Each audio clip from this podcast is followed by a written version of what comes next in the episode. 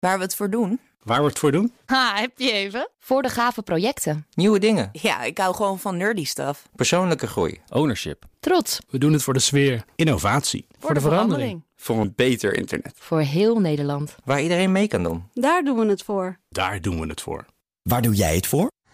Kom werken voor KPN en groei op jouw manier. Check de actuele vacatures op het gebied van data, security, development en networking op jobs.kpn.com/tech. Wetenschap vandaag.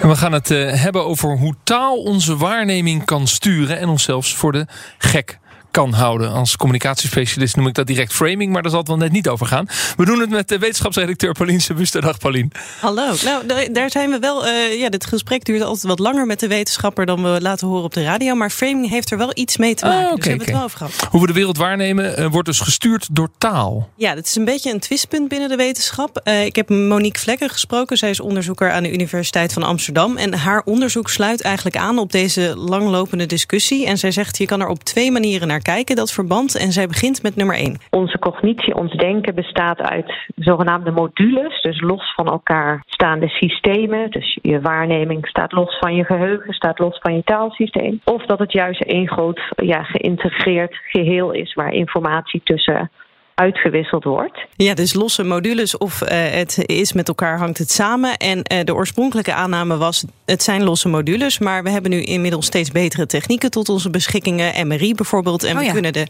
hersenen dus ook beter in kaart brengen. En ja, eigenlijk die originele aanname die blijkt niet te kloppen. Door dat soort technieken weten we bijvoorbeeld dat uh, ja, je taalsysteem altijd in verbinding staat met je uh, visuele systeem en ook met je geheugen. En dat dat niet, uh, ja, die werken niet los van elkaar. Oké, dat begrijpen we dan. Maar wat heeft ze dan precies onderzocht? Nou, wat zij wilde doen met haar collega's was verder kijken naar die link, hoe dus taal onze waarneming kan sturen. En uh, eerder onderzoek kijkt bijvoorbeeld naar het verschil in waarneming tussen mensen die andere talen spreken. Dus bijvoorbeeld kleur.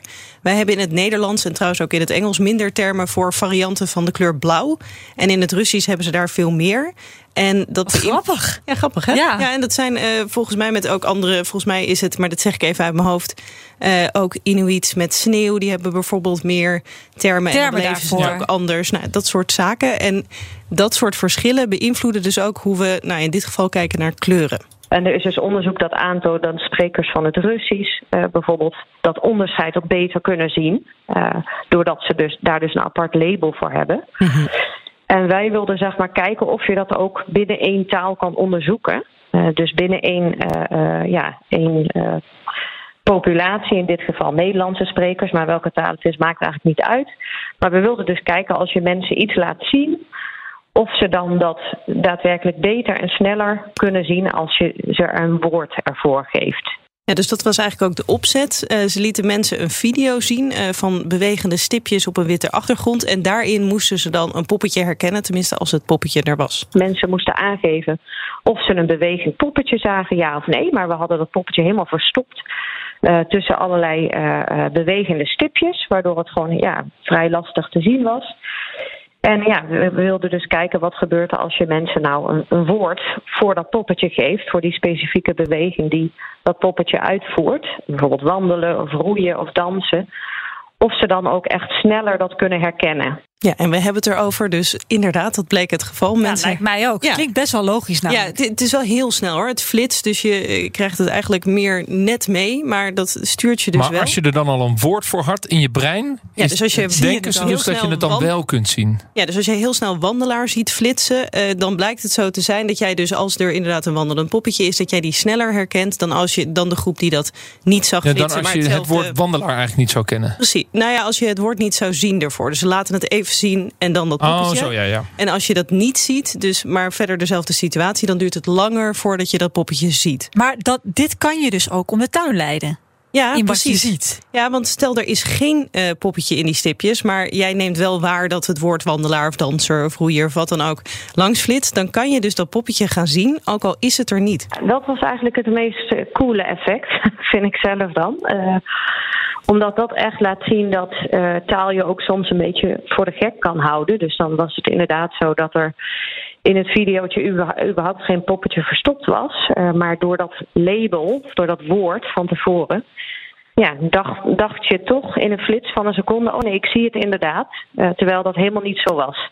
Oh, dat geloof ik direct. Dat, dat je brein je heel makkelijk op die manier uh, voor de gek kan houden. Wat ja, het klinkt heel logisch, maar dit is dus ja, de eerste keer dat het Een boeiend, boeiend perspectief hierbij, um, wat ik wel eens gehoord heb... is dat de uh, doventaal mm -hmm. relatief beperkt is. Je kunt je voorstellen, omdat dat een gebarentaal is... dat het uh, minder lagen heeft dan gewone taal. Mm -hmm. Uh, en dat dat ook een uitdaging is voor slechthorenden en doven. Dat die dus eigenlijk minder nuance in hun taal hebben dan dat wij dat hebben.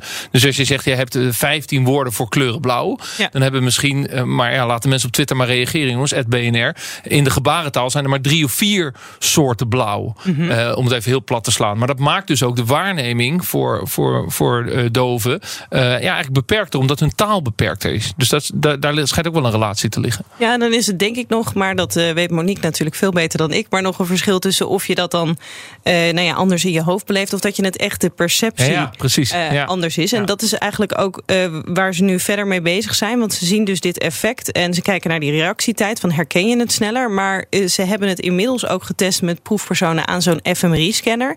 En dan kun je dus zien of er ook in de hersenen de activiteit ook echt verschillende gebieden oplichten als je dat effect ziet? Als je dus zo'n uh, videootje van een bewegend poppetje verwerkt, dat gebeurt in een specifiek gebied in de hersenen, dan willen we kijken of uh, die activiteit in dat hersengebied, of dat uh, eventueel versterkt is of misschien al eerder begint als je daarvoor dat woord hebt gelezen.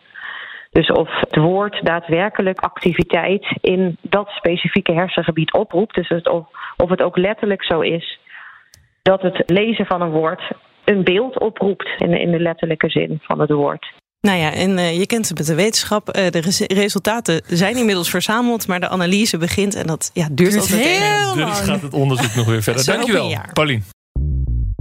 Bij BNR ben je altijd als eerste op de hoogte van het laatste nieuws. Luister dagelijks live via internet. Bas van Werven. En heel langzaam komt de zon op rond dit tijdstip. Je krijgt inzicht in de dag die komt op BNR, het Binnenhof in Nederland en de rest van de wereld. De Ochtendspits. Voor de beste start van je werkdag. Blijf scherp en mis niets.